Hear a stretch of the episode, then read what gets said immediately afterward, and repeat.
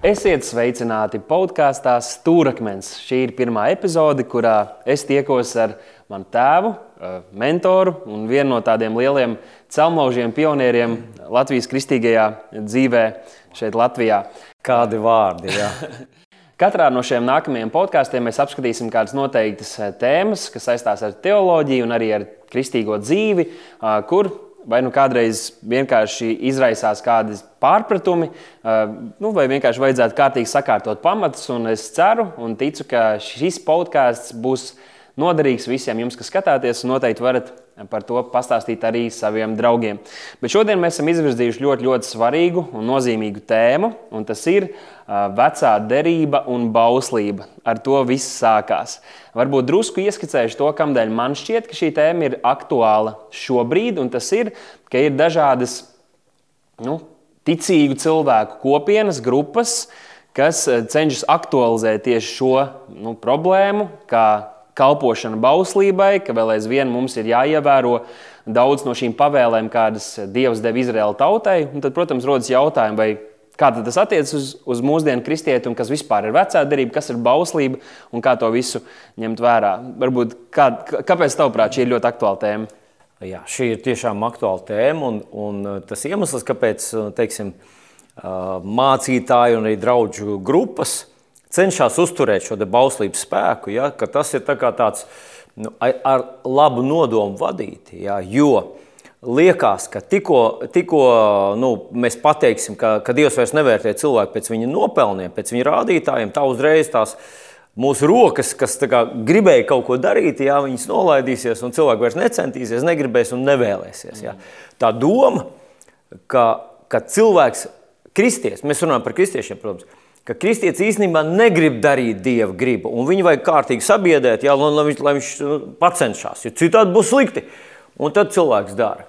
Bet uh, mana pārliecība, es domāju, ka, uh, ka mums ar Dāvidu, ar dēlu, mums tas saskan, ka mēs ticam, ka īsts Dieva bērns pieņems jēzus par savu kungu, viņš grib darīt Dieva gribu. Viņš grib, ja? viņam tikai jāpamāca un jāpalīdz. Un viņš vēlēsies darīt tā, kā Dievs grib. Un, protams, bauslība, ja mēs pazīstam šos vecās darbības notikumus, mēs redzam, ka tas bija tāds ļoti spēcīgs instruments, kas lika cilvēkiem dzīvot bailēs no soda no Dieva, protams, bet arī no līdzcilvēkiem, jo tur bija līdzējošas sekas tam, ka tu neievēro kāds no šīm Dieva pavēlēm.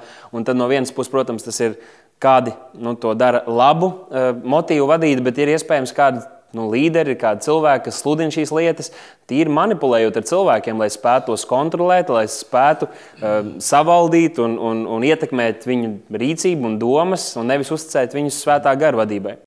Viens gudrs mācītājs man vienreiz teica, tā, ja tev nav ko sludināt, sludini bauslību. Tas strādā vienmēr.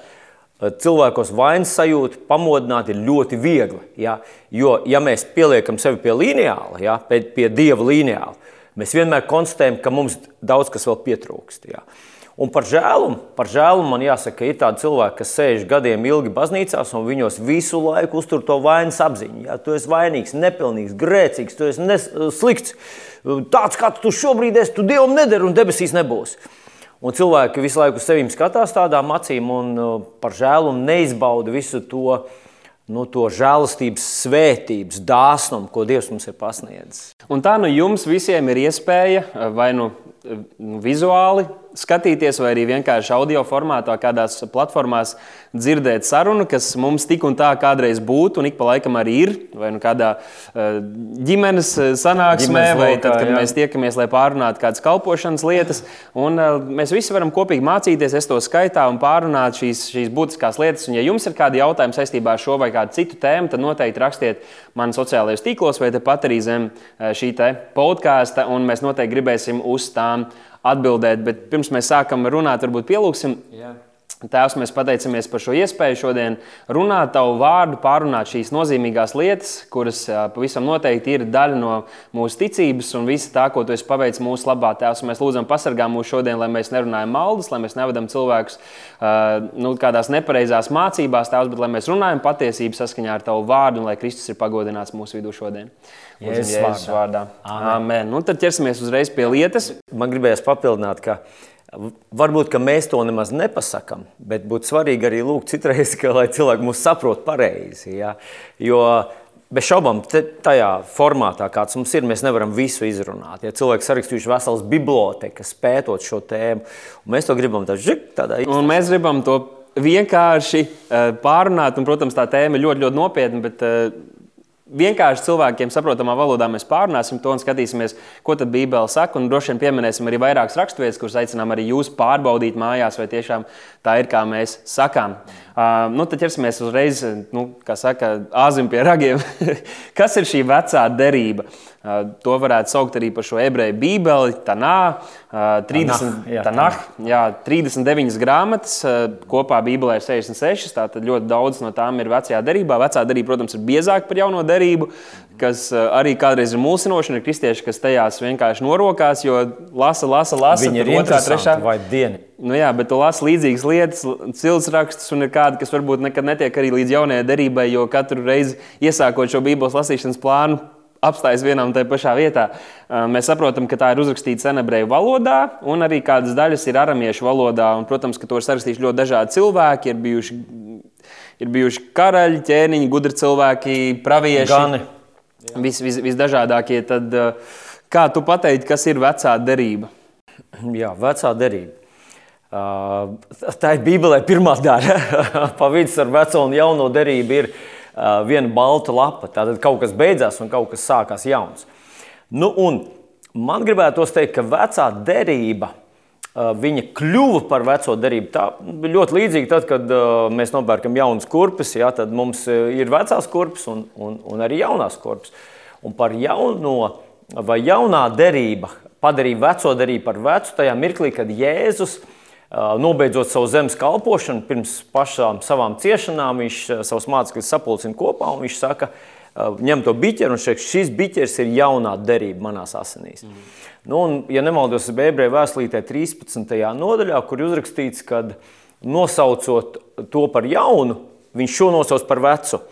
Un, un tad viņš tur lieto tādus vārdus, ka, ja kas ir vecs, tas ir tuvu iznīkšanai. Tas nozīmē, ka kad, nu, ka tās ietekme sarūk un tās beidzās. Ja? Un, un tas viņš runā par, par bauslību, bez šaubām. Bauslība, bet arī vecā derība, ja, ja, ja tā mēs gribam kopā salikt, tad tas ir ļoti daudzu, ļoti daudzu derību, ļoti daudzu tādu notikumu kopums, kur faktiski, faktiski Dievs iesāk to ēdienas dārzā, un tad lēnītēm viņš būvē tādu, tā kā tādu, nu, mēs varētu teikt, tā kā tādu tiesību līgumu. Jā, bet tā kā tādu veselu tiesību sistēmu, jā, lai viņš varētu ieviest jaunu, lai varētu atnākt jaunā derība. Nu, lūk, un šī vecā derība Tātad vecais līgums, bet tur ir daudz dažādu līgumu. Mēs varētu teikt, jau ēdienas dārzā jau Dievs uzreiz saka, es celšu ienaidni starp tevi. Viņš uzrunā čūsku starp tevi un, un sievu starp tavu dzimumu un sievas dzimumu. Jā. Jā. Un tā kā vecā derība jau nav arī nerunā tikai par nu, vienu vai vairākām derībām, ja teiksim, Izraēla tautai, jūdiem, tā ir vēsturiska grāmata, kur viņi lasa vēsturisks notikums par viņu izcelsmi, par notikumiem, kādi ir bijuši. Līdzīgi kā mēs lasītu kādu mūsu vēstures grāmatu, kur aprakstīta latviešu tautas jā, vēstures notikumi. Jā. Un tāpat laikā tajā visā kopējā stāstā mēs ieraugam arī sevi un savas ticības saknes. Mhm.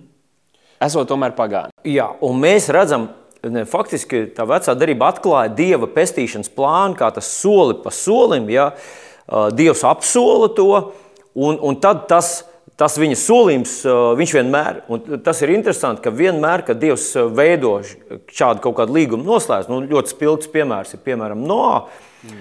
ja, kurš pēc ūdens plūdiem izkāpa, iznāk ārā no šķirsta, viņš upurē Dievam, un Dievs saka, viņš noslēdz jaunu līgumu. Vienmēr tas jaunais līgums ir viņš papildina iepriekšējo. Un tiek būvēta tāda tiesība bāze, ja līdz mēs nonākam līdz mesijam. Nu, un, un tas vienmēr ies, ies, ietver no un viņa pēcnācējs. Vienmēr ar Abrahāmu un viņa pēcnācējiem un tā tālāk. Dievs vienmēr skatās uz priekšu, uz nākošām paudzēm. Un tur, protams, kaut kur parādāmies arī mēs ar tevi. Un Abrahamam jau viņš saka, ka tevī tap svētītas visas. Mm zemes tautas. Jā, tas Tātad, iekļauj arī mūsu. Tas iekļauj mūsu, jā, bet mēs redzam, ka Dievs, slēdzot šo līgumu ar Abrahamu, viņa pēcnācējiem, reizē viņš ietver arī mūsu, un viņš veido, veido šo daudzu līgumu tādu, nu, nu, bāzi. Tāpēc, lai arī mēs varētu būt pilntiesīgi šīs glābšanas dalībnieki. Yeah. Bet ir kāds īpašs tajā visā tajā stāstā, ir kāds īpašs līgums, un tas ir Mūzes bauslība dota. Un Jāņa evanģēlijā mēs lasām pirmajā nodaļā, ka Dievs bauslību deva caur mūzu, bet tad tur interesants tas pāns. Ir. Bet žēlastība un patiesība. Ja? Interesanti, bauslība un patiesība tās ir divas dažādas lietas. Bet žēlastība un patiesība nākusi caur Jēzu Kristu. Ja? Bet tātad, kas tad ir īpaši tajā, kad uh, Mozus tajā bauslībā, ka viņš šo derību vai šo līgumu noslēdz ar tautu. Ja? Viņš tur parādās Sīnai kalnu. Uh, tur ir uguņi, pērkoni, tur ir tāds vienkārši tā atmosfēra, tāda, nu, tāda biedējoša. Ja? Mm. Un tad viņš vienmēr Dievam ir vajadzīgs kāds starpnieks, jo cilvēks ir grēcīgs. Ja, viņš runā uz mūzu, un mūzis ir saka to tautai. Tad tauta saka, mēs negribam, lai Dievs uz mums runā, lai viņš runā ar tevīm, un tu atnāc mums pasaki. Mm. Bet tas ir tas, mm, tas nu, teiksim, tā kā tāda vecās derības kulminācija, ir Dieva līgums ar mūzu, kur mēs mūsu valodā saucam par bauslību. Mm -hmm. Mēs arī drusku vēl parunāsim vairāk par veco derību, jo, protams, ir jautājumi, kuri rodas un kuri cilvēkiem ir. Bet varbūt viens no tādiem ļoti skaļiem jautājumiem, ar kuriem saskarās lielākā daļa kristiešu, cenšoties runāt ar cilvēkiem par Dievu un stāstīt par to, ko Kristus ir paveicis mūsu labā. Un tas ir šis lielais kontrasts starp to, kāds Dievs ir vecajā derībā un jaunajā derībā. Un, lai gan jau vecajā derībā mēs redzam, ka noteiktos nu, vēsturiskos nu, posmos, brīžos, atkarībā no tā, kādu derību Dievs ir slēdzis ar cilvēkiem, arī viņa rīcība rīcība, nu, nu, varētu teikt, nepielāgojas vai mainās, jo viņam ir jārīkojas saskaņā ar to līgumu, kādu viņš noslēdz ar, ar cilvēku. Bet tomēr šis kontrasts liels pastāv. Un, teiksim, tas, kā, kā es saprotu, ka, ka viens no labākajiem veidiem, kā atbildēt uz šādu jautājumu vai pārmetumu, būtu tas, ka cilvēki, kuri apgalvo šādas lietas, vienkārši parāda, cik ļoti maz viņi ir iedziļinājušies tajā, kāds Dievs ir. Jo Dievs jau sevi atklāja savā vārdā pilnīgi. Un mēs saprotam, ka Jēzu Kristu ir, ir pilnīgā Dieva atklāsme. Jēzus teica, raugieties uz mani, skatieties uz mani, jūs redzat tēvu. Jā, jā. Bet tajā pašā laikā mēs redzam, ka jaunajā derībā tikpat labi Dievs tiek saukts par uguni, kas iznīcina. Viņš ir tiesnesis. Mēs redzam, ka ja tu grēko, tad labāk, ka tu nogriez, nu, bez mazliet teikt, nogriez savu roku vai izdur sev acis. Nevis grēko, jo Svēt Dievu priekšā tas ir uzskatāms par tik lielu grēku un pārkāpumu, un tas sots kaut kad tevi piemeklēs.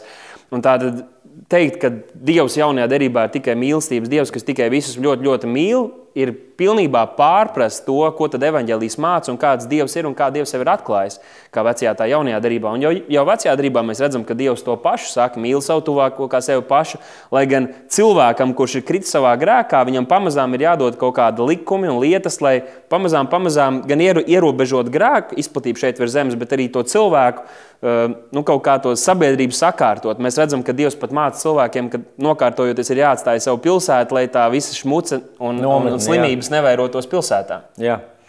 Jā.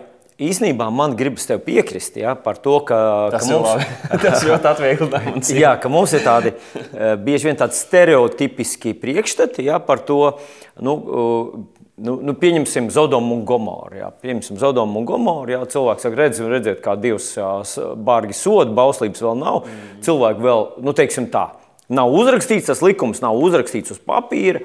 Un nāk uguns par, un, un, un tad mēs kādreiz atvasinām arī to, vērtējot mūsu līdzcilvēkus, jā, vot, reku, tu, Dieva uguns tuņi par jums kritīs.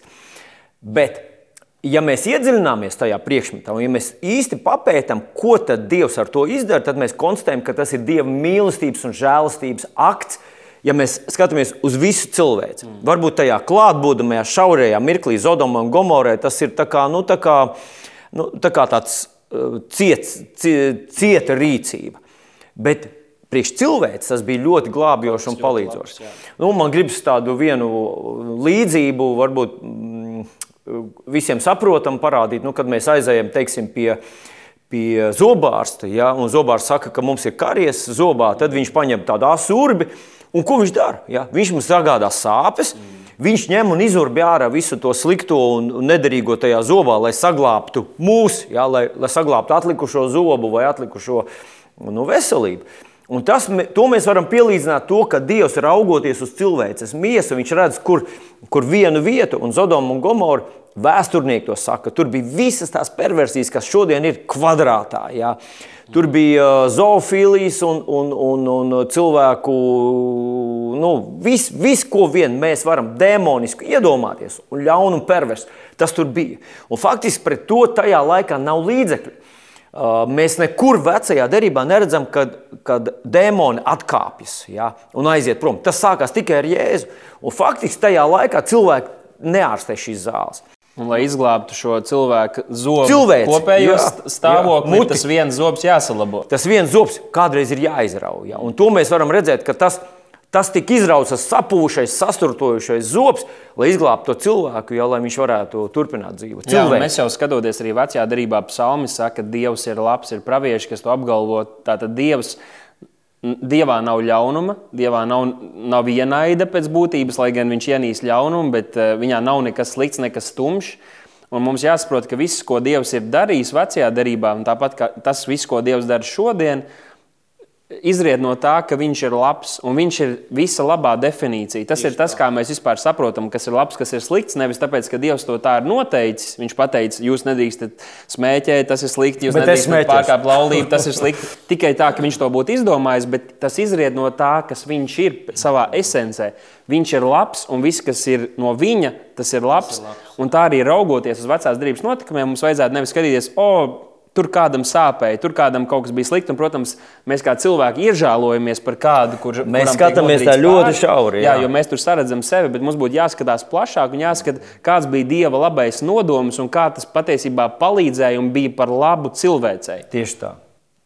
Nu, lūk, tad tāds kā tu jau drusku arī tam pieskāries, un, un uh, to ir svarīgi saprast, ka Bībelē ir šī progresējošā atklāsme, Jā. Uh, kas daudziem cilvēkiem ir pilnīgi kaut kas nesaprotams. Tādēļ mēs redzam, ka ir kādi, kas sludina, un ir varbūt arī kristieši, kas lasa ieba grāmatu vai lasa kādas citas vecās darbības raksturvietas. Pat jaunajā darbā mēs redzam, ka uh, kāda no apstuļiem raksta, ka Pāvilam ir tādas atklāsmes, ko viņiem ir grūti saprast. Tas Tieši nozīmē, ka tā, raksta, un daudzas lietas arī apstuļi paši saprata tikai procesā. Kaut vai kad Pāvils saka, saka, es lūdzu eh, Dievam trīs reizes, lai atņem man šo zelonu, un tad vēlāk viņš secina, labi, visi, kas grib svētbīgi dzīvot, tiks vajāti. Tas sanāca, ka viņam tas bija atklāsme, ko viņš piedzīvoja, ka būs vajāšanas Kristus dēļ, no, kuras, no kurām Dievs neatbrīvo. Tās ir vienīgās ciešanas, no kurām Dievs nav atbrīvojis. Jā.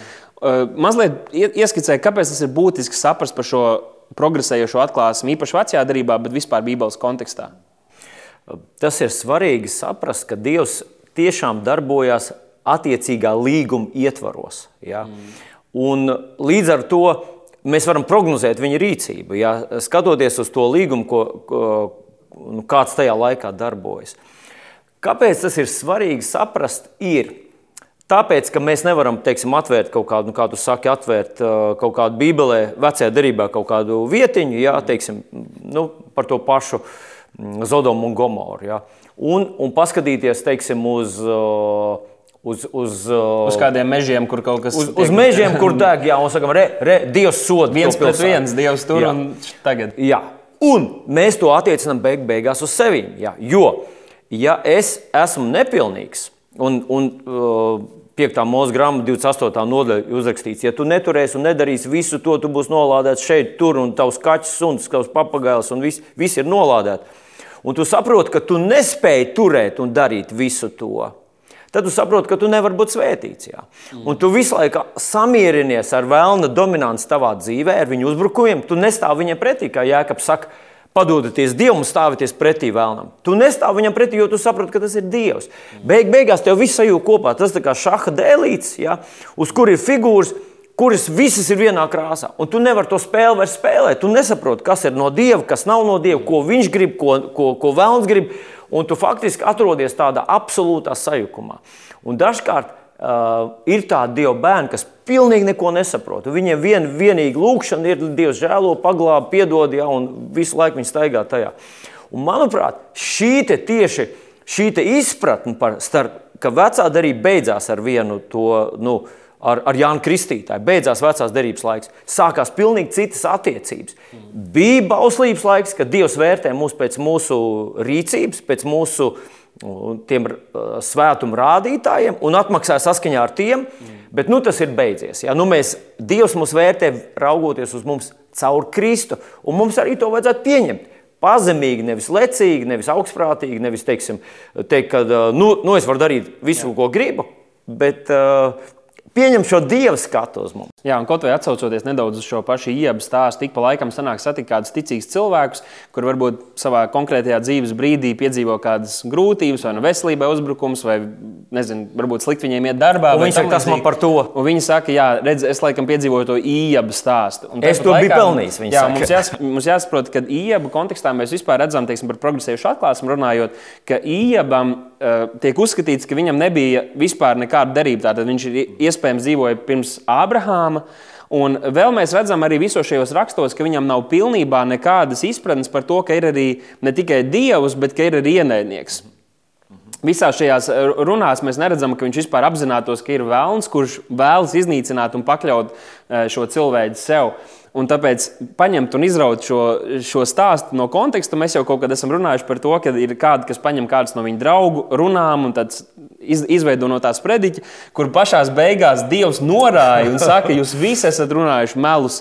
Un pats Ieps eh, nožēlo arī, ko viņš, ko viņš ir teicis, un kādi pirms tam jau ir izveidojuši savu ticības bāzi uz tā, ko kādi ir teikuši aplamas lietas. Jā. Un, un, eh, nu, te varbūt uzreiz jautājums ir, vai viss, kas Bībelē ir rakstīts, vai tā ir patiesība. Nu, tas Nu, Bībelē ir uzrakstīta iep draugu runas, garas runas. Un tas bija patiesa notikuma tajā laikā, bet tas nesaskana ar... tā nav patiesība. Bet tā nav patiesība. Tur ir daudz vēsturisku notikumu, tur ir cilvēki, ir dieva vīri, kas rīkojās nepareizā veidā, kas ir sievas, kuras izdarīja lietas, kuras nesaskanēja ar dievu prātu.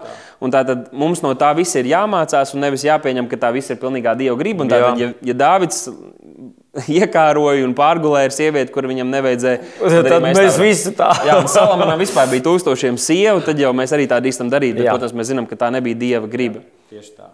Jā. Uh, tad mazliet par, par, vec, par vecās derības nozīmi kristiešu dzīvē. Jo šeit mēs tagad saprotam to arī diezgan skaidri. To mums liek manī. Tātad vecā derība ir savā ziņā kļuvusi veca, ir jaunā derība, kurā mēs dzīvojam, kurā mēs ticam, uh, Kāda tad jēga ir kristietim lasīt veco derību? Jo tomēr, ja ņemam Bībeli, un mēs draudzē visu laiku sakām, lasiet Bībeli, ja jums nav attiecības ar Dievu vārdu, jums nav attiecības ar Dievu. Tomēr lielākā daļa no Bībeles ir vecā derība. Jā. Kāpēc mums to lasīt?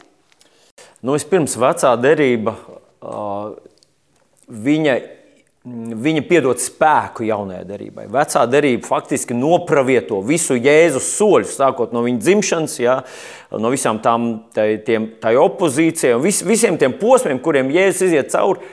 Visus to vecā derība nopravieto un nopravieto to simtus un simtus gadus pirms tas reāli piepildās dzīvē. Un faktiski tādā veidā vecā derība nu, piedalās jaunās derības tajā, tajā stāstā. Mhm. Bet, Vecās derības tā, tā paradigma ir tāda, ka tas faktiski tā fiziski ir tā cīņa, tiek ievērot fiziski likumi. Mm. Fiziski tev jādodas tur uz turieni, tev ir fiziski jāatnes lops, tev ir fiziski viņš tur jānogalina, tev ir nu, jācīnās ar fiziski ar uh, dievu ienaidniekiem. Jā. Ja ir ticības cīņas, Dārvids ir viens no dievu vīriem, ja viņš ņem reāli zobenu, iet un dara, cīnās fiziskas cīņas. Un līdz ar to man gribas teikt, ka vecā derība ir tāds ļoti spilgts ilustrācija kopums par to, kā kas darbojas un kā mums vajadzētu uzticēties Dievam. Tad tie bija reāli notikumi, bet tie tāpat laikā attēlo garīgas patiesības. Tieši tā, jā, tie ļoti precīzi tu pasaki, ja, kad, kad raugoties uz vecās derības cīņu, teiksim, Dāvida un Golijāta cīņu, mēs redzam, ka ka no cilvēcīga aspekta tas viņa ierocis ir neadekvāts. Tas viņam pretī nāk profesionāls karavīrs, jau viņš nāk kā gans viņam. Tur nav nekādas izredzes. Bet Dārvids uzticās Dievam un, un fiziski pielieto šo savu neadekvāto ieroci, un tas nostrādā uh, perfekti. Un jaunajā darbā mēs neredzam, tas nav kaut kas tāds, ko mēs varam paņemt rokā, ko mēs varam tur ievēzēt un, un redzēt, kā tas darbojas. Mums tas ir jādara ticībā, bet es gribētu teikt, ka šī vecās darbības ilustrācija ļoti mums palīdz ļoti dažādās sfērās, ļoti dažādos dzīves un garīgās cīņas aspektos. Ja? Uh, saprast, kā tas darbojas, un uzticēties tam, ko mēs nevaram redzēt, bet varam redzēt, kā tas darbojās toreiz un darbojas šobrīd, bet tādā garīgā aspektā. Jā. Un, uh, tā Cilvēk. ir. Atvainot, un es vienkārši piebilstot, ka cilvēkiem, kuriem ir pazīstama jaunā derība, uh, Uh, pēc tam lasot vecās derības praviešu, kaut vai Daniela grāmatu, citas, citas grāmatas, ir noteikts vietas un, un lieli tādi paragrāfi, kur tu, tu lasi un tu pilnībā redzi to, kas ir jaunajā darbā piepildījies, ka tur par to tiek pravietots. Tas ir tas, ko, ko tu runāji. Kad mēs redzam šīs mūsu derības saknes, ka tas nebija kaut kas, kas vienkārši 2000 gadus atpakaļ pēkšņi Jēzus atnāca un iztaisīja pilnīgu revolūciju. Sāka pilnīgi, jaunu ticību. Tāpēc kāds saka, ja, ka kristietība ir tikai 2000 gadus, tur ir citi, kuriem ir tā un tā un tā. Bet kristietība ir piepildījums tam, kas jau ir bijis jau no paša iesākuma, kā tu teici, ēdienas dārzā. Dievs jau deva apsolījumus par Kristu, kurš nāks un uz kuru mēs varēsim ticot, tikt glābt un piedzīvot visu šīs dieva, dieva pilnības. Bet, vecā darība, jaunā darība, ja mēs runājam par jaunu kristieti, es tomēr teiktu, ka uzsvaru ir jāliek noteikti uz jauno darību. Ir kādi, kas ir izvēlējušies lasīt cauri Bībelē, no vecās darbības iziet cauri, un tad jaunajā darbā tas sanāk, ka tu vari pavadīt kaut kādus 6, 7 mēnešus vispār neieskatoties jaunajā darbā, tajā, ko apsturi rakstīt kristiešiem un lasīt šīs vēsturiskās lietas, es ļoti ieteiktu, tomēr, kad mēģināt atrast līdzsvaru. Vecajā darbā ir ļoti daudz kā vērtīgi, bet tev ir jābūt kārtīgi nostiprinātam jaunās darbības patiesībās, lai tu tā pilnīgi varētu satvert un, un, un, un saņemt visu to, ko vecā darbība un svētais gars ar to var uz mums runāt. Jā. Nu, jāsaka, ka man, mana tā mīļākā grāmata, īpaši manos eh, ticības dzīves sākuma gados, bija vecā derība. Jo man liekas, tur ir akcents, ja tur ir uguņkrīt, ja tur ir Tur ir Simpsons, kurš uh, paņem žokļu kaulu un noslaktē tur uh, bruņots karavīrs un tā tālāk. Jaunajā darbā mēs šo dievu spēku vairs neredzam tik ļoti vizuāli. Ja? Tas nenotiek fiziskā pasaulē. Man, man tomēr gribas teikt, ka, uh, ka vajadzētu lasīt abas. Ja? Jo svētais gars var paņemt veco darību un uzrunāt tevi ja? un parādīt kaut kādu tavas dzīves ainu arī vecā darība ir dzīva un spēcīga. Noteikti. Jā, tā ir Dieva vārds. Un Pāvils arī 2. vēstulē Timotejam, 3. nodaļā, 16. pantā raksta, visi šie raksti ir Dieva iedvesti un ir noderīgi mācībai, vainas pierādīšanai, labošanai, audzināšanai, taisnībā. Tāpat arī 2. korintiešiem 1,20, jo cik ir dieva apsolīšana, tās ir viņā jā, tāpēc caur viņu mūsu āmeni dievam par godu. Uh, visi šie apsolījumi tie piepildās un tie mums pieder. Man liekas, ka uh, atsaucoties to, ko tu teici par veco derību un kā svētais gars ir spējīgs lietot šos vēsturiskos notikumus un uh, vārdus, ko Dievs te, teica, iedrošinājums, kādus Dievs deva vecās derības varoņiem lai tos darītu dzīvus arī šodien, man liekas, ka to ļoti labi ilustrē arī Bībele. Tādus piemērus nav tālu jāmeklē, kur mēs redzam, ka jaunās darbības autori, tas pats Pāvils un Pēters, kad viņi atsaucās. Lieto vārdus, lieto apsolījumus no vecās derības, tos izraujot no konteksta un samasējot savā starpā. Un, un, un lietot tos pavisam jaunā veidā, tie piešķirot jaunās darbības dvēsmu. Un man šķiet, ka tieši es, es vairāk kārt jau saku, man šķiet, bet, bet Svētais gars to ir spējīgs darīt. Viņš to mums noteikti tam ir jāļaujas. Un, uh, mēs varam būt sautīgi un piesavināties to, ko Dievs tur ir devis kādiem no šiem dievu vīriem un sievām. Teikt, es arī to gribu, tas ir mans. Jā, nu, man gribētos nelielu starpību starp mums ar tevi un Pāvilu un Pēteru. Ja, jo viņi tomēr ir apstuļi, Kristus apstuļi. Ja, un, Un svētais gars tiešām var paņemt vienu, vienu rindu no kaut kāda tur cefanijas grāmatas un, un iemest to jaunajā darbā un pateikt, ka tas šeit. Un, mm. Bet mums ar tevi varbūt tā nepiedienētu darīt. Ja? Un šeit brīžiem nu, Mēs redzam, ka cilvēki nu, kaut ko sāda, satamborē tādu aplamu. Ja. Mums tomēr būtu jāskatās uz kontekstu un, un jāsaprot, par ko tas ir runāts, kādos, kāda apstākļi, kādi ir tie priekšnoteikumi, lai kaut kas darbotos. Jo tā vienkārši paņemt vienu teikumu no Bībeles un pateikt, man ar to pietiek. Jā, jā. Es, es, es noteikti atbalstu, kad, ka kontekstam ir jābūt, un te pašā laikā ir apsolījumi kaut vai tas, ko Jozovā Dievs saka Jozovā grāmatā, vai ne, esi stiprs un drošs, nebīsties. Un tas, man liekas, ir, ir vārds vārds, ko tu vari pieņemt no Dieva. Eh, nu, jebkurā situācijā, kur tu esi, protams, ja nav tā, ka tu rīkojies pretēji Dieva gribai, un uh, tad atkal tas būtu atgādājums tam, ko Dievs patiesībā teica. Tad tev tieši, tieši otrādi tev būtu jādzird bīsties, jo tu esi nepareizā ceļa Jā, atgriezies. Tieši tā, tieši tā. Jā, mīļie draugi, uh, diezgan daudzās vietās ir kaut kāds priekšnoteikums, lai tas apsolījums nostrādātu tavā dzīvē. Nepietiek ar to, ka tu vienkārši paņem vienu mazu pantiņu un, un saki, jā, es būšu stiprs un drošs un iešu grēka ceļus, jā, lai neviens nav spējīgs. No, no, no. Tev jāiet pa dieva ceļiem, jā, kad tu padodies dievam, tad gan viņš tev saka, ja dievs tev saka, es esmu stiprs un drošs. Tad tu vari būt stiprs un drošs. Jā, Labi, nu, tad mēs ķersim, ķersimies tālāk pie šī otrā punkta, kas ir bauslība.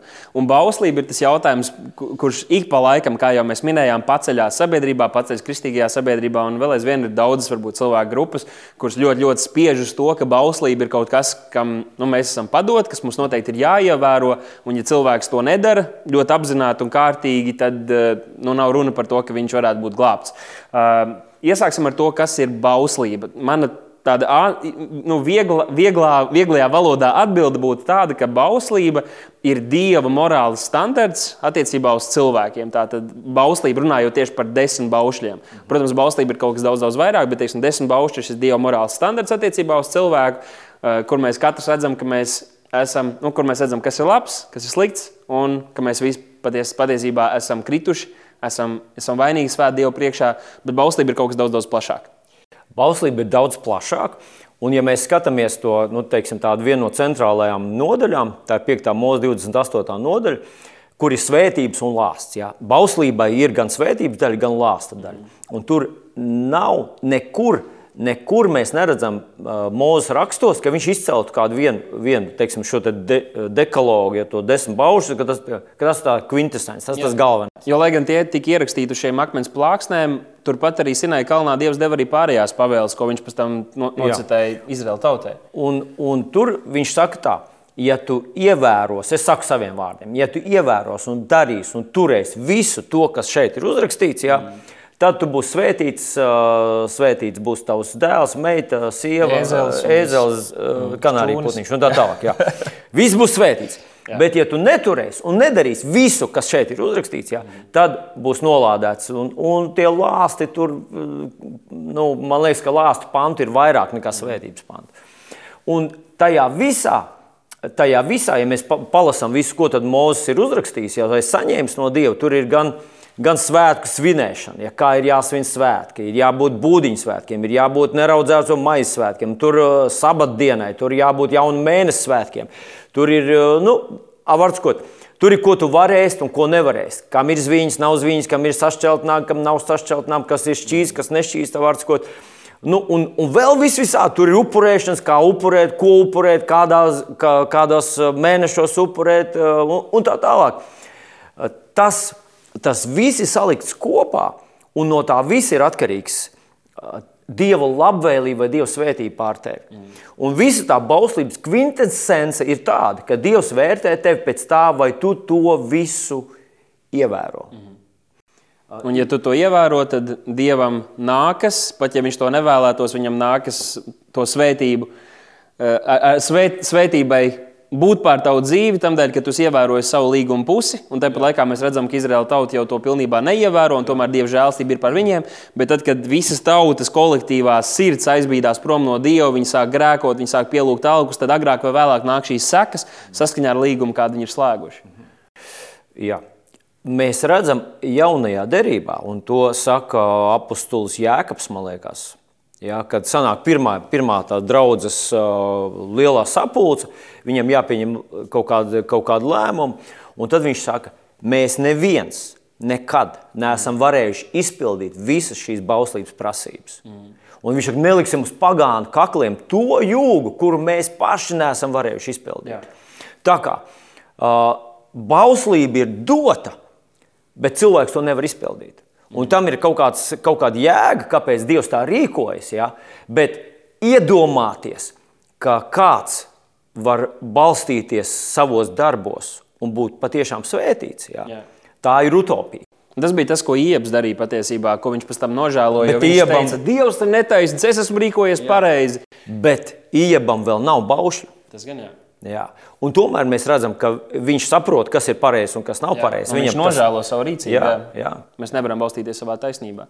Bet varbūt drusku mēs varētu pieskarties tam, kāda desmit baušļi un viss Nu, runājot vienalga par kādām šīm ticīgo grupām, kas runā par bauslības turēšanu, viņi atsaucās tieši uz desmit baušļiem. Ir ļoti reti, kur runā par pārējo bauslību, kur būtu ceremoniālie likumi, civilie likumi. Ja, tur, bet šos desmit baušļus ļoti atdala no pārējās bauslības. Vai ir kaut kāds precedents, vai ir kaut kāds pamats tam, ka mēs tagad sakām, šie desmit baušļi īpaši izceļās, vai jaunajā darbā ir pamats par to, par to runāt?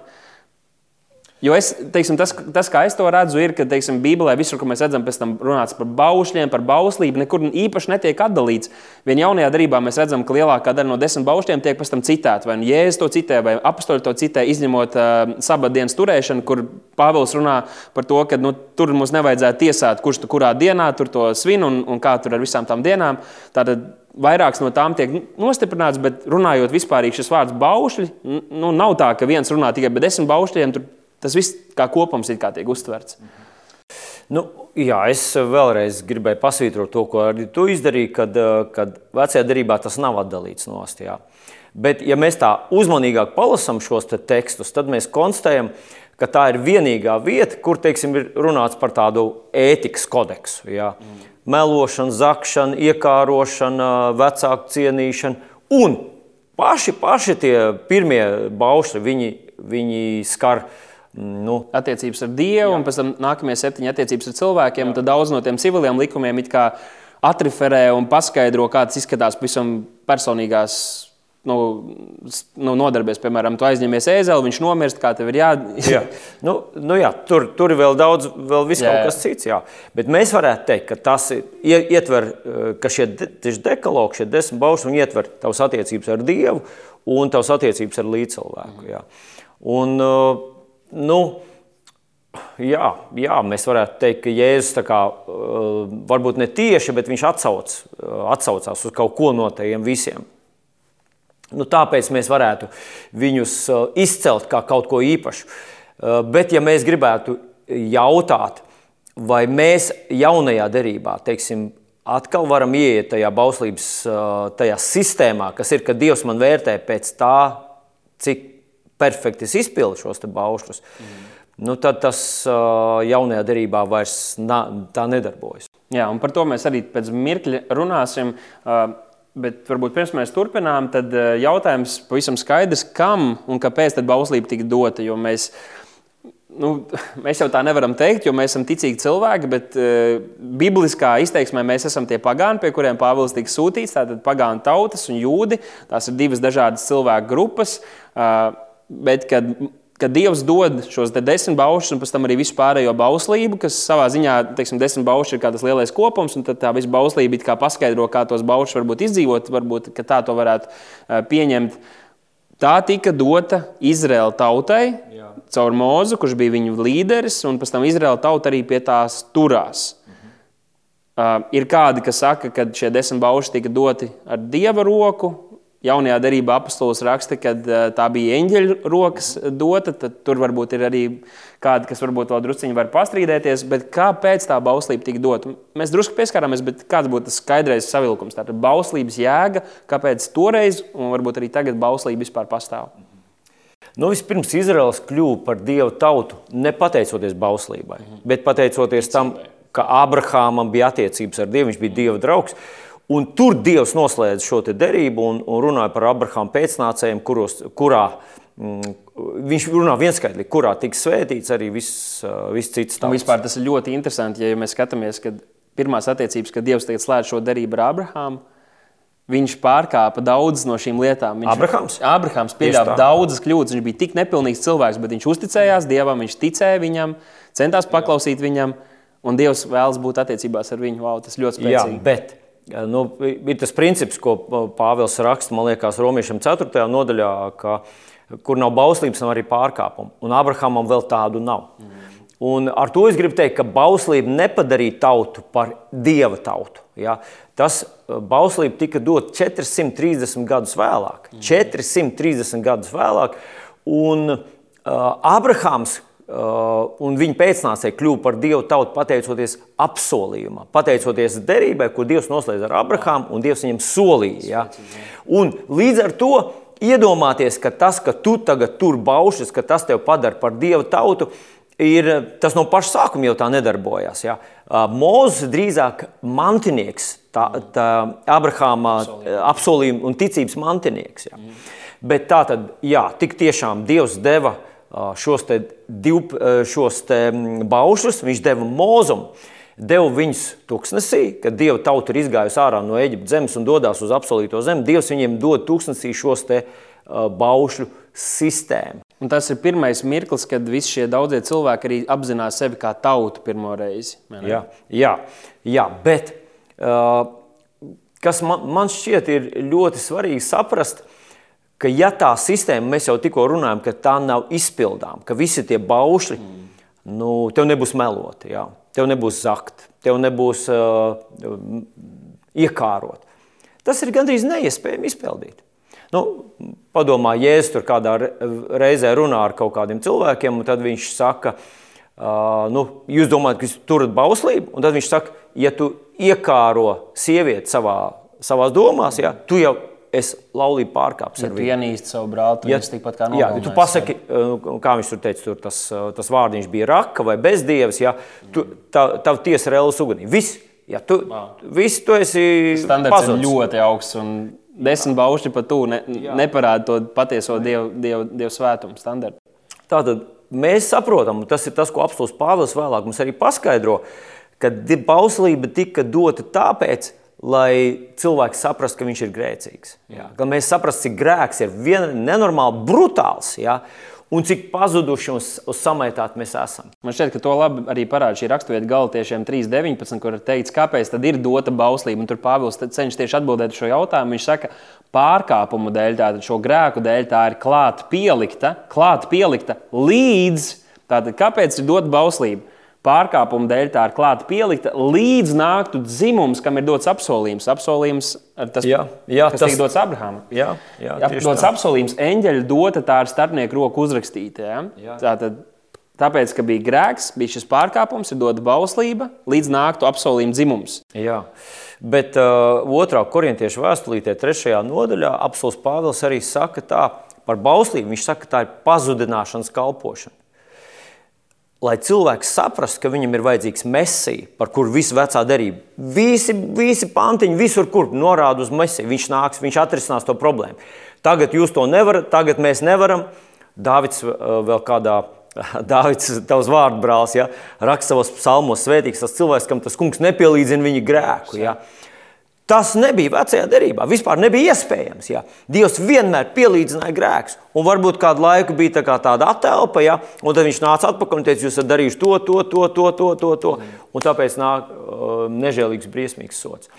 Nu, tātad šī, šis bauslības laiks bija ar konkrētu mērķi, un tas bija cilvēkam palīdzēt saprast ka viņš ir pazudis un ka viņam ir vajadzīgs glābējs. Un svētdien tu dievkalpojumā runāji par, eh, arī par bauslību kā šo audzinātāju. Tu varētu druskuļi atsaukties uz to un, un, un, un atvērt mums mazliet jā, domu. Jā, apustulis Pāvils saka, ka bauslība bija dota mums kā tāds audzinātāji līdz ticības Pede, laikam. Pedagogos. Jā, tur ir lietos tas grieķu vārdiņš pedagogos, jā, kas bagātās grieķu ģimenēs tas bija vergs, kas paņēma bērnu pie rokas un nevis mācīja viņam, nevis kaut ko skaidroja vai izglītoja viņu, bet paņēma viņu pie rokas un aizveda viņu līdz skolai. Jā.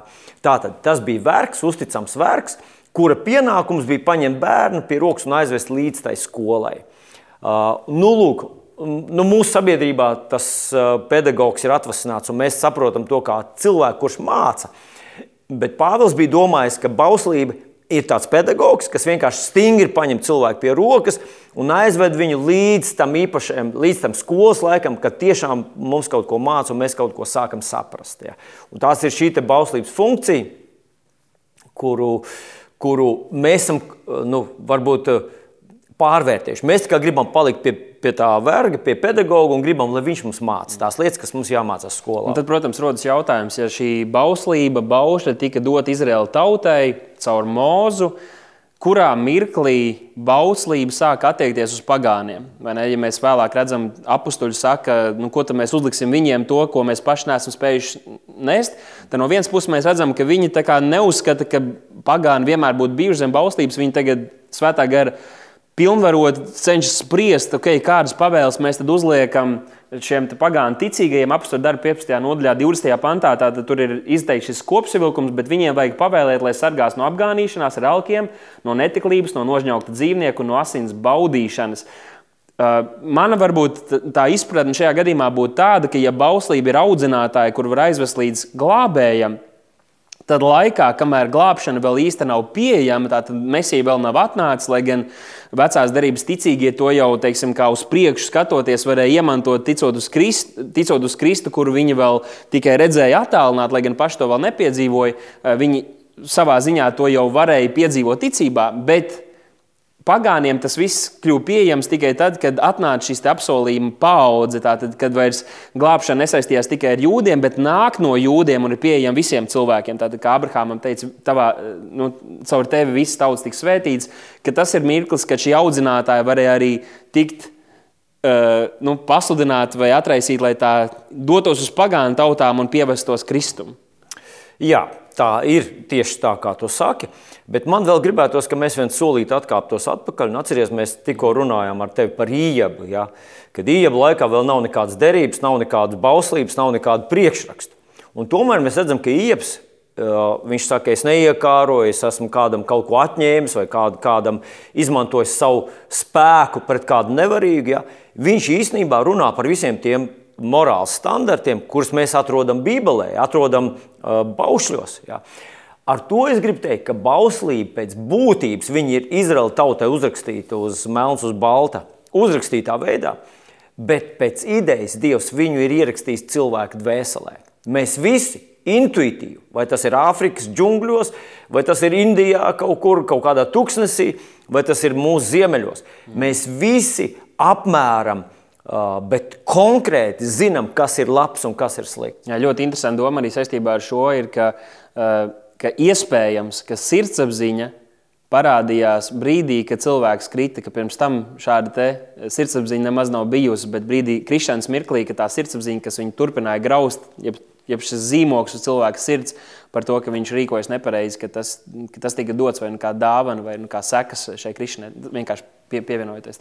Tā, tā varētu būt, jā, jo ja, kamēr tu neesi neesi e, nogrēkojies, ja tavs sirdsapziņa, kas ir tavs iekšējais tiesnesis, morāls tiesnesis par labu un ļaunu, mm. viņš, e, viņam nav iemesla runāt. Ja. Mm. Nu, lūk, bet tā tad, ja šie bausli ir ierakstīti mūsu sirdīs, ja, visu, arī pagānu tautu sirdīs, tad ir skaidrs, ka, ka šis te, nu, atskaites punkts ir mums dots. Ar visu to, ka tā nav, nav nav mums priekšraksts uzrakstīts. Un es domāju, ka ar visu to Dievs, kaut arī mums nav šī atklāsme, Dievs var tiesāt uh, pagānu tautas. Ja, tiesāt pēc tiem morāles standartiem, ko viņš ierakstīs mūsu sirdīs. Mm. Bet, Līdz ar to Bībele arī saka, ka viņiem nav nekāda aizbildinājuma, jo viņš ir sevi atklājis visā, visā radībā un arī viņa sirdīs ir. Jā, jā. Nu, mums tā kā liekas, ka ka, ka ar to par maz, ja? bet Dievam liekas, ka ne ar to pietiek. Ja? Un es gribētu teikt, ka Dievam šajā gadījumā ir taisnība. Ja? Mm. Bet bez šaubām um, ja nemaldos, tas varbūt tas, varbūt tas ir Pāvils, ja, kurš apstuļu darbos mēs lasām, kad viņš griežas pie pagānu tautām, viņš uzrunā viņus. Ja, un tad viņš saka, ka Dievs ir nolicis, ļāvis līdz šim iet tā, kā jūs to sapratāt un gribējāt. Bet, nu, Viņš aicina visus atgriezties, atgriezties pie vienīgā, patiesā debesu un zemes radītāja Dieva Jā. un pieņemt glābšanu caur vienīgo, kas ir glābšanas devējs, Jēzu Kristu. Ja. Un, mīļie draugi, es gribētu teikt, ka katrs, kurš dzird evaņģēliju, viņam ir šī iespēja uh, sajusties, uh, ka viņš ir grēcinieks, un viņu pat, ja viņš nav lasījis mūsu bauslību, katrā mūsos ir šī apziņa, ja, ka mēs esam. Uh, Um, īst, īstenībā es vēl, kad uh, klausījos teoloģijas fakultātē, bija no Pēterburgas, bija atbraucis viens profesors, momentāli aizmirst viņu vārdu. Tad viņš pie, runāja par vispār par tādu reliģisku pasaules kontekstu. Un tad viņš saka, ka tas ir absolūti visās tautās. Ir šī atklāsme par to, ka Dievs ir svēts un cilvēks ir sabojāts. Jā. Nemaz nebija jāklausās Mozus, mēs visi to zinām. Jā, ka mēs esam necienīgi un ka Dievs noteikti ir cienīgs un svēts. Jā, bet par to, kā tad bauslību mēs varam lietot un kāda ir tās nozīme šodien, mēs vēl pēc mirkļa varbūt parunāsim, bet tad Mēs jau aizvedām līdz šai kulminācijai. Visu laiku mesija, mesija, Jēzus, Jēzus. Jautājums, tad, ko tad Jēzus īsti izdarīja? Jo ar cilvēkiem, kas ir, kas ir šajā mācībā, maldu mācībā par bauslības turēšanu, kā priekšnosacījumu tavai glābšanai un tā tālāk, tā tad tu vari ticēt uz Jēzu, bet ja tajā tiesas dienā redzējis, ka tu neesi turējis kādas pavēles, vai ka neesi patiesi nožēlojis kādas no grēkiem, tad tu tavs vārds tiks izdzēsts no dzīvības grāmatas. Ir, nu, viņiem ir grūti varbūt, uz, saprast, ko mēs īsti sakām. Jo viņi saka, bet uh, bauslība jau netika atmesta. Es, es, un es viņiem saku, bet bauslība netika atmesta, tā tika piepildīta. Šeit Mateja Vāģelī 5. nodaļā. Jēzus saka, nedomājiet, ka es esmu atnācis atmest bauslībai praviešu. Es neesmu nācis tos atmest, bet piepildīt. Un Ko tad viņš īsti izdarīja? Dažos teikumos, kas tad ir tas evaņģēlijs, ko Jēzus ir izdarījis? Bet vai mēs drīkstam vēl atkāpties viens solīt atpakaļ? Nu, Man gribētos vēl tādu, tā tādu kopsavilkumu izdarīt. Nu, ko tad, ko tad uh, vecā derība, ko tad viņi mums gribēja pateikt? Trīs lietas, kas tev jāsaprot, kas būtu mums jāsaprot, studējot veco derību.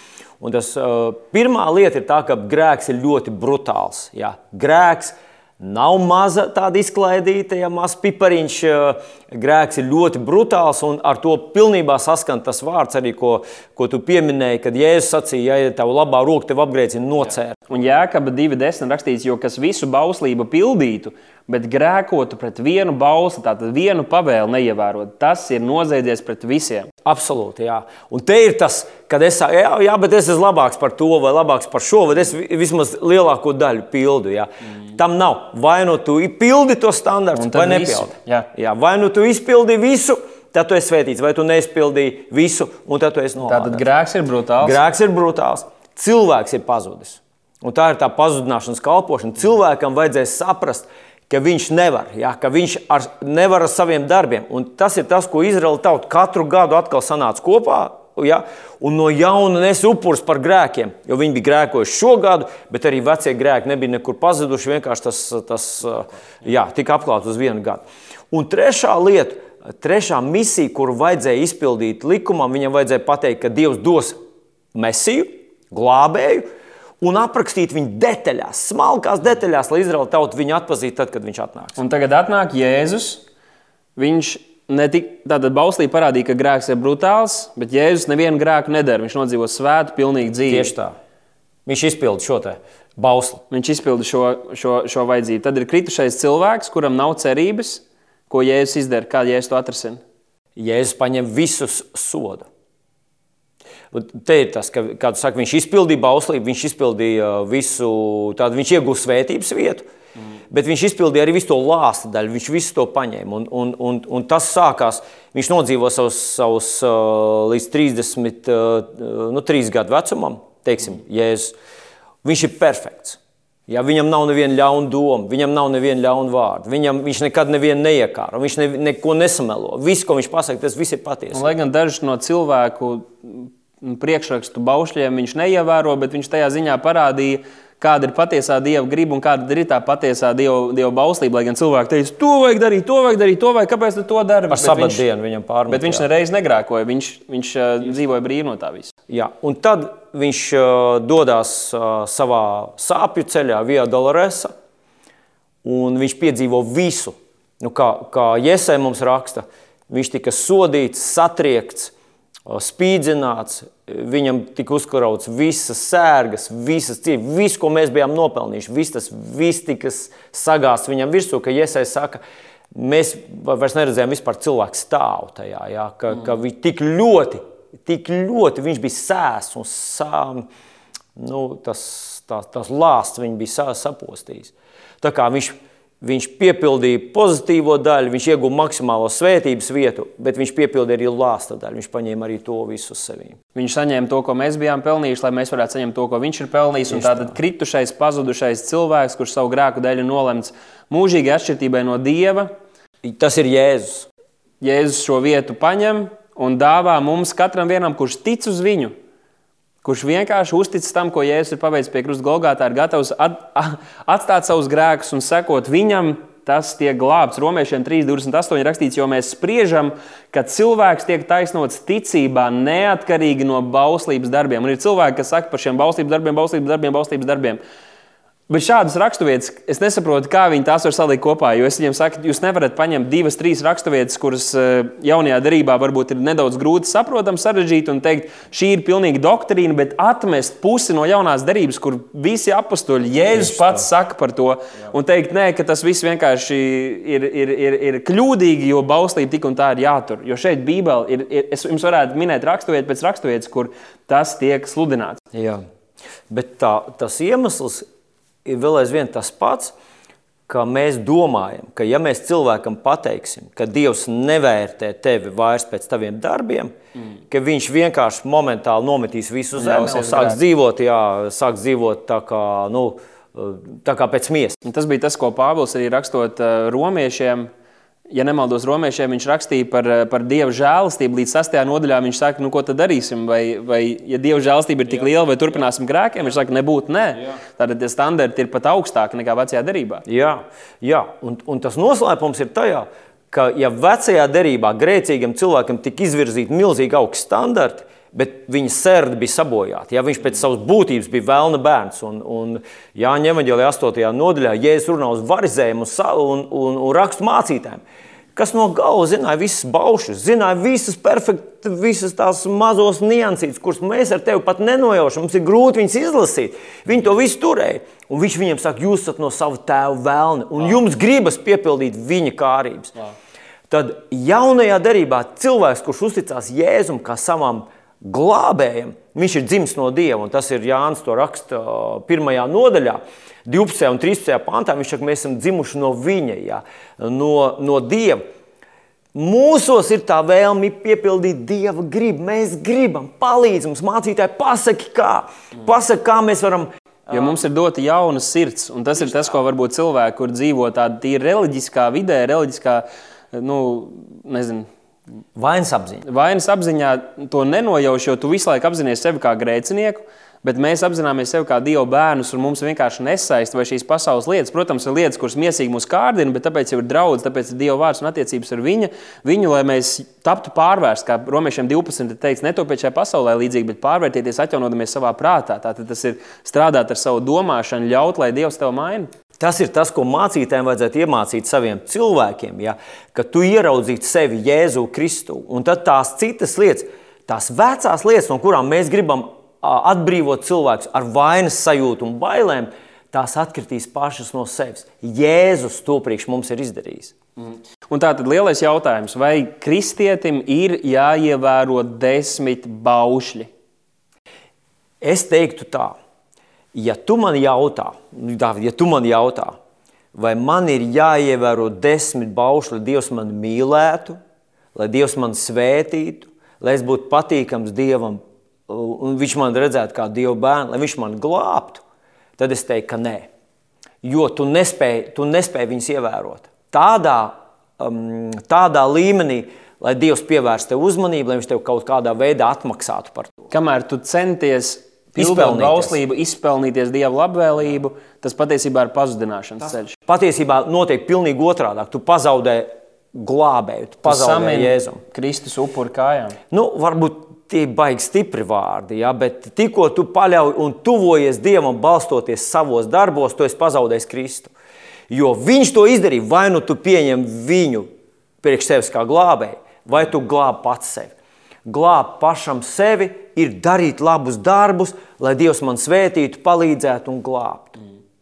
Bet, ja tu pieņem Jēzu par savu glābēju, Ja tu dari to, ko Dārvids pieminēja Romiešiem 12. Eh, nodaļā, 2. pantu, tu atjauno savu saprāšanu, ja Dieva vārdā. Ja tu pieņem viņa domas, tad tu turēsi desmit baušus. Un tie nāks kā sekas tam, ka Dievs tevi ir svētījis, ka Viņš tevi mīl, ka Viņš tevi ir glābis, ka Jēzus ir tavs kungs. Tas vienkārši nu, iznāks dabīgi ārā. Tas kā piedzimis dzīves bērniņš, un mēs zinām, ko viņš tur darīs. Viņš tur klieks, tāpēc ka viņš ir dzīves.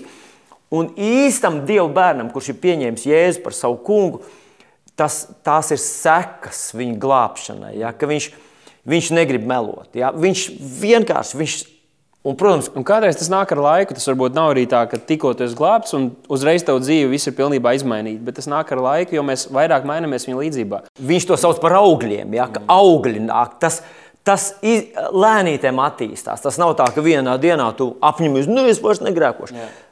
Un kā es varbūt atbildētu uz šo jautājumu, ka, kurš arī nav viennozīmīgs, jo, protams, kad eh, mēs gribam izpatikt Dievam, mēs gribam viņam vien klausīt. Un, ja tu to nevēlies, tad jautājums ir, vai tu patiesi esi glābts. Un, un tajā pašā laikā es varbūt uzvilku tādas divas galējības, mēs varētu pateikt. Tātad no vienas puses ir cilvēks, kurš lasa rakstus un cenšas punkts punktā pildīt visu, ko viņš tur saskata. Varētu pat ņemt vecās derības bauslību un visas tās lietas, kas tur ir. Un kamēr viņš balstās šajās lietās, ko viņš dara, tas nozīmē, ka viņš neusticas Kristus upuriem. Viņš domā, ka viņš ar saviem darbiem var kaut ko pievienot tam. Viņš ir daudz mazāk glābts nekā cilvēks, kurš pilnībā uzticas Kristum, tic tam, ka viņš paņēma viņa grēkus, viņa vainas, viņa, viņa kļūdas pie krusta Golgātā. Un iespējams, ka viņš visu dzīvi cīnīsies, no visas sirds cīnīsies, viņam riepsies kaut kāds grēks, lietas, kurā, kuras ir viņa dzīvē, bet viņš ienīstās, viņš grib tikt no tām vaļā, bet varbūt nespēja. Tomēr tas cilvēks ir patiesi glābts savos grēkos, ticot uz Kristu Jēzu, un kāds, kurš ir paštaisnis, ir pazudis. Jā. Precīzi. Un man gribētos pieminēt to vienu puisi, kas mir blakus Jēzum pie krusta. Jā, tas slepkava, kā mēs zinām, viņš bija slepkava. Un Jēzus, viņš neko nav izdarījis. Neko labu nav izdarījis. Jā. Viņš vienīgi lūdz Jēzum, lūdz piemin mani. Mm. Viņam nav uz ko balstīties, pilnīgi nekā. Wow. Un es gribētu teikt, ka mums nevienam nav uz ko balstīties. Nu, nav, vienkārši nav. Tie tavi mazie labie darbiņi, mm. tie ir puņķaini lupata, ja salīdzinām ar Dievu godības uh, svētumu standartiem. Nu, lūk, un, un Jēzus viņam saka, tu būsi ar mani paradīzē. Wow. Un tas otrs bija lepnības pilns. Tas otrs bija lepnības pilns, jā. Un, kas tā pa glābšanu, jā, kaut kas jādara varbūt. Jā, un tātad savalkot kopā, bauslība, Bībele saka, ka bauslība pati par sevi nav slikta. Viņai jāveic pareizā funkcija. Pāvils saka, ja to lieto pareizi, tad tā var nākt par labu. Tad eh, rodas, protams, jautājums, kāda ir šīs bauslības eh, jēga. Teiksim, jau, jau, nu, kristiešu dzīvē varbūt bauslība mums var atgādināt un saglabāt mūsu pazemīgus, lai mēs nesākam balstīties savos darbos, ka tā atgādina, ka mēs esam pazuduši paši par sevi. Un tomēr jāsaka, ka bauslība noteikti ir ļoti labs rīks, ko mēs redzam, ka daudz ir evanģelizācijas, un tā ir noteikti daļa no, ev no evanģēlijas sludināšanas, kad mēs pasludinām šo dieva augsto standartu. Pret cilvēkiem ir, teiksim, tā, ir, ir, ir, ir kalpošanas, kas iet un runā ar cilvēkiem, un daudz cilvēku mūsdienās nu, vai no āršķirīgi to izpauž, bet kā saka, nē, man, es esmu labs cilvēks, man viss ir kārtībā, un tad nosaucot dažas no šīm lietām, kaut vai zakšana, melošana. Ja? Cilvēkam ātri vien nākas secināt, ka eh, viss tomēr nav kārtībā ar viņu dzīvi. Un, jo cilvēks var Cilvēkam ir nepieciešams glābējs tikai tad, ja viņš zina, ka, viņa, ka, viņam, ka viņš ir sprukās, ka, viņ, ka viņam ir problēmas. Un bauslība to ļoti labi izdara, bet bauslība ir tā, kas aizved mūs līdz Kristum. Patiesībā jaunajā darbā mēs redzam, ka Pāvils, ja nemaldos, Pāvils raksta, ka mums vajadzētu būt brīviem no ļaunās apziņas, kas arī liekas ļoti interesanti. Tā, tā ir šī grēcīga apziņa, ka mēs visu laiku identificējam sevi ar savu grēku, jo kamēr mēs redzēsim savu savus grēkos, mēs nespēsim tikt no tā ārā. Un tādēļ tā doma ir, ko, ko, ko Bībele mums cenšas iedot, ir, ka mēs esam Dieva taisnība. Ja mēs redzam sevi taisnus, ja mēs redzam sevi glābts, ja mēs redzam sevi svētītus, tad mēs sāksim arī tā dzīvot agrāk vai vēlāk, un tie augļi parādīsies. Jā. Nu, man gribas pieminēt, re, kur 1. Timotejam 1,8. Pāvils saka, zinām, ka bauslība ir laba, ja lieto to pareizi. Un tad viņš saka, atzīstot, ka bauslība nav dota taisnajam Bet netaisniem, nepaklausīgiem, bezdīvīgiem, grēciniekiem, negantiem, nesvētiem, tēvu mātes slepkaviem, cilvēku kāvējiem, netikļiem, vīru piegulētājiem, wow. cilvēku pārdevējiem, melkuļiem, zvēras lauzējiem, ja kas vien vēl ir pretīm, veselīgai mācībai. Nu, no vienas puses būs cilvēki, kas teiks, nu, šeit viņš nosauc tipisku draugu. jā, bet visi grēcinieki. Jā, nu man te nav tas turpinājums, jā. bet, ja, ja nemaldos kādā, iespējams, ka tas te pat tālāk, un kaut kur viņš saka, un jūs bijāt tādi, bet nu jūs esat pieņēmuši Jēzu par savu kungu. Un līdz ar to jūs esat ceļā uz, uz svētapšanu. Es esmu pārliecināts, ka normāls dzīves kristietis, kurš mācās Dievu vārdu, kurš ļauj, lai svētais gars viņam apgaismo Dievu vārdu un jaunās derības patiesības, ka viņa dzīve mainās un tā kvalitatīvi mainās uz augšu. Uh, varbūt, varbūt kad ik pa laikam viņam vajadzīgs kaut kāds pa, um, uzmundrinājums, un varbūt ka ik pa laikam viņam vajadzīgs arī teiksim, saprast, kas ir kas un ko nozīmē dzīvot pēc miesas un ko nozīmē dzīvot garā. Ja? Mm. Un priekš tam ir kalpošanas dāvanas, ja, kas ir Dieva dotas. Bet uh, īstam dzīvam kristietim šī pārmaiņa uz augšu, notiek. Jā, mēs redzam, kaut vai Korintas draugs un citas, kuras, nu, kā Pāvils pats apraksta, ka tur notiek daudzas lietas, kuras pat pasaulē nenotiek par visām šīm nešķīstībām tā tālāk. Bet uh, tur arī mēs neredzam, ka Pāvils viņiem skrietu pakaļ ar šiem desmit baušļiem, bet viņš runā par Kristu, viņš runā par to, ko Kristus ir paveicis viņa labā. Un tas ir tas, kas maina šo cilvēku dzīves. Un varbūt noslēdzot, tātad es gribētu minēt dažas raksturvietas, kuras tiek lietotas, lai stiprinātu šo pozīciju. Lai gan mēs jau pieminējām daudz no raksturvietām, kuras pavisam skaidri runā runā par to, ka bauslība valdīja līdz Kristum, pēc tam ir sācies kaut kas jauns. Mēs neesam padot bauslībai, bauslība ir audzinātāja, kurai vairs nav varas pār mums, kad, kad mēs uzticamies Kristum. Un šīs raksturvietas nevar tā vienkārši izsvītrot no Bībeles. Nu, vienalga, kā jūs vēlaties, un vienalga, kas jums māca maldus par šo bauslības turēšanu, jūs nedrīkstat izgriezt šīs raksturvietas, jo tās ir svētā gara iedvesmas, lai mēs no tām mācītos.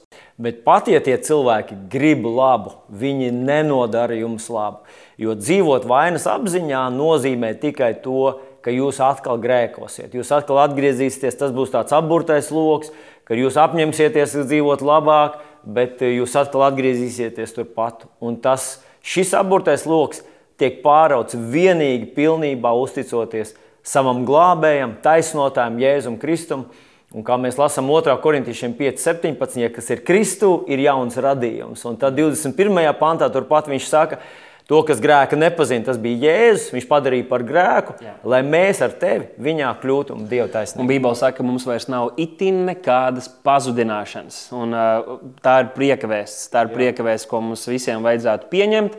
Un tad, protams, mīlestībā, atcaucoties uz to, ko viņš mums ir paveicis, mūsu labā mēs gribam arī mainīt savas dzīves un klausīt viņam visos sīkumos. Šeit ir tās trīs raksturvietas. Pirmā ir Mateja evanģēlīja 5. nodaļa, 18. pants, kur, protams, 17. pantu mēs jau minējām, kur Jēzus saka, es neesmu atnācis atmest bauslību, bet to piepildīt, bauslību un praviešu. Un tad 18. pantā, un šie cilvēki bieži saka, jā, jūs ilsiet 17. pantu, bet 18. pantā ir rakstīts, jo patiesi es jums saku, tiekāms debesis un zeme zudīs, nezudīs neviena, nevis mazākā rakstu zīmīte, ne rakstu galiņš no bauslības iekļūt iekāms, viss notiek. Tā tad bauslība ir jātur, viņa saka. Jā, bauslība, bauslība vēl stāvēs Dievu priekšā, jā, un uh, neticīgie cilvēki tiks tiesāti pēc uh, bauslības priekšrakstiem un augstajiem Dieva standartiem. Jā, jā debesis un zeme zudīs, bauslība paliks. Bet mēs kas esam pieņēmuši Jēzu par savu kungu. Mēs esam iegājuši žēlastības laikmetā, un Jēzus ir mūsu bauslības izpildītājs. Jā, un Jēzus saka, es esmu piepildījis to, un tāpat arī, ja mēs skatāmies oriģinālu valodā šo, šo vārdu bauslību, kas mums tiek tulkots kā bauslība, tas runā arī par pavēļu kopumu. Un tur, protams, mēs varam ņemt vērā arī to, ka Jēzus teica pavēles mīliet Dievu, mīliet savu tuvāko, kā sev pašu tajā ir apkopot visa bauslība un pravieši, tāpat arī citas pavēles, ko Dievs mums ir devis. Un, uh, mums ir jābūt uzticamiem tā, eh, šīm pavēlēm, un eh, tā, tās, tās jāpild, tām jā, jācenšas paklausīt, cik nu mēs to spējam. Un tāpat jāatcerās, ka eh, bauslība norādīja uz Kristu. Bauslība un tās derības norādīja uz to, ko Kristus paveiks. Un tam dēļ Jēzus sakot šīs lietas, viņš saka, jā, patiesi viss tas, kas ir teikts par mani, es to, piep, es to piepildīšu. Un nekas no tā netiks atmests līdz tai dienai, kad mēs viņu skatīsim vajag vaigā. Lūkas evanģēlijā 18. nodaļā, tur 19. pantā ir stāsts par šo bagāto jaunekli, kurš atnāk pie Jēzus un saka, uh, Tātad labais mācītājs, īstenībā neatzīstot viņu par kungu vai par dievu, labais mācītājs, kas man ir jādara, lai, lai es varētu būt glābts. Un tad Jēzus viņam atbild ar šiem vārdiem, kas arī tiek lietot. Tātad, redziet, Jēzus pat teica, cilvēkiem jāpild bauslība. Jēzus saka, ko tu man sauc par labu? Nav neviens labs izņemot vienīgi Dievu. Un tātad es teiktu, ka šeit Jēzus teica, tātad, ja tu neatzīsi, ka es esmu Dievs, ka es esmu kungs, ka esmu glābējs, tad uh, Viņš saka, 20. pānta baušļus, tu zini, tev nebūs laulība pārkāpta, tev nebūs nokauta, tev nebūs zakta, tev nebūs nepatiesa liecība, dod godā savu tēvu un māti. Tātad Jēzus saka, turiet bauslību. Jā, nu Jēzus grieza uh, to puisi atpakaļ. Redziet, viņam bija tā, tas, tā doma, tam puisim bija tā doma, ka viņš ir gana labs, jā, ka viņam vēl kaut kas drusciņš pietrūkst. Un Jēzus viņu grieza atpakaļ pie baušļiem, jo baušu uzdevums bija uh, pazudināt viņu. Tā ziņā viņam parādīt, ka viņam ir vajadzīgs glābējs un ka viņam, viņš nevar tapt glābts saskaņā ar saviem darbiem. Mm. Tā manā izpratnē, tur gan varētu ļoti daudz ko runāt par to, ka viņš tiešām Jēzu saskatīja vienkārši vienu no skolotājiem. Un, ja Jēzus ir tikai viens no skolotājiem, nu, tad tur, tur konsekvences tam vispār ir ļoti lielas. Bet tas mūsdienu tēma, mūsu šī, šīs sarunas tēma ir bauslība un bauslības piepildīšana. Un, un, kā mēs zinām, to nevienīgi Jēzus to izpildīja. Un, un tāpēc Jēzus griež viņu atpakaļ, lai viņš beidzot pieķerās tā nopietni klāt un ierauga, ka viņš nav pildījis to bauslību. Mm. Un tas, kas viņam bija, tas, manuprāt, tas, ko Jēzus arī viņam parāda, ka viņam ir viens ļoti liels elks, ja, kuru viņš nav gatavs atstāt arī, arī it kā viņš tā kā, tā kā kalpodams dievam, ja turēdams visu viņa paušus, viņa uh, mamons, jā, tas elka dievs, viņam ir turpat, un viņš to nav gatavs atstāt. Jā, un tā kā pēc būtības šeit Jēzus mums parāda to, kā tad, kāds tad ir pareizais veids, kā lietot bauslību. Tātad paštaisni cilvēki, cilvēki, kur domā, ka viņiem nav nepieciešams glābējs, kur paļaujas saviem darbiem. Tātad, lūk, reku bauslību, skaties, tu neesi to pildījis, tev ir problēmas, tu esi kritis un nepilnīgs cilvēks vēd Dievu priekšā. Tad, nu, kas, kāda ir atbilde? Uzticies Kristum. Tad pēdējā raksturvieta, kas arī tiek lietota, ir atklāsmes grāmatas 14. nodaļa, 12. pants, kur ir rakstīts, šeit ir vajadzīga. Tur, tā, tā ir vieta, kur eņģeļi atver dažādus šos zīmogus, ja nemaldos. Šeit ir vajadzīga svēto izturība, kas tur dieva baušas un Jēzus liecība. Jā, nu tā ir raksturvietiņa, kur ir runa par zvēru un viņa zīmes pieņemšanu un zvēru pielūgšanu. Un, uh, tur ir pavisam konkrēti ja, šis, te, šis te princips, ka ir viens dievs. Ja. Gluži tāpat kā apstuļu darbos 4.12. rakstīts, ka ir tikai pestīšana, nav pestīšanas nevienā citā. Kā vien, viens vārds cilvēkiem zem debesu dots, kurā mums lemta pestīšana, Jēzus Kristus. Tas princips ir absolūti pareizs, vienmēr ir tāds ir bijis. Ja? Mēs nevaram mētāties apkārt, mēs nevaram pievienot Jēzum Kristum kā savam kungam un glābējam vēl kādu citu glābēju. Mēs tikko runājam arī par saviem pašas darbiem un sasniegumiem. Un tas tāds pats darbojas, vienmēr ir bijis, un mēs jaunās derības ticīgie mūsu muguras liecās tikai Dievu priekšā, tikai kunga jēzus priekšā, un mēs neatzīstam nekādus citus dievus un netaisamies pielūgt zvēru, kādā formā arī viņš to neprasītu vai nebūtu. Jā. Mm. Tur nav nekādas problēmas, manuprāt. Jā, um, liels paldies par sarunu. Man pašam bija ļoti vērtīgi un interesanti, un es nešaubos, ka arī jūs, darbie klausītāji un skatītāji, uh, uh, izbaudījāt un kaut ko daudz varējāt iemācīties šoreiz. Eh, gribēju pateikt, ka, ja jums ir arī kaut kādi viedokļi un idejas eh, par visu šo, varbūt kaut kas, kam mēs vēl nepieskārāmies, lūdzu, droši ierakstiet komentāros vai sūtiet man personīgi. Tāpat arī, ja jums ir kādi jautājumi vai nu par šo tēmu, vai kaut kādu citu, eh, nu, vai nu teoloģisku jautājumu, vai vienkārši ticības jautājumu, tad droši rakstiet. Un nākamajā podkāstā mēs beigās arī atbildētu uz trim no jūsu iesūtītajiem labākajiem jautājumiem mēs atbildētu. Bet nu, tas arī šoreiz būs viss. Lielas paldies, ka skatījāties! Ielieciet īšķīt uz augšu, uzspēdiet patīk, padalieties ar šo podkāstu, lai arī citi cilvēki uzzina, ka tāds tagad ir pieejams. Un, nu, mēs ik pa laikam kaut ko uzfilmēsim ar kādu man nozīmīgu cilvēku, mentoru un mācīsimies par šīm lietām un redzēsim, kā Dievs to lietos Latvijā.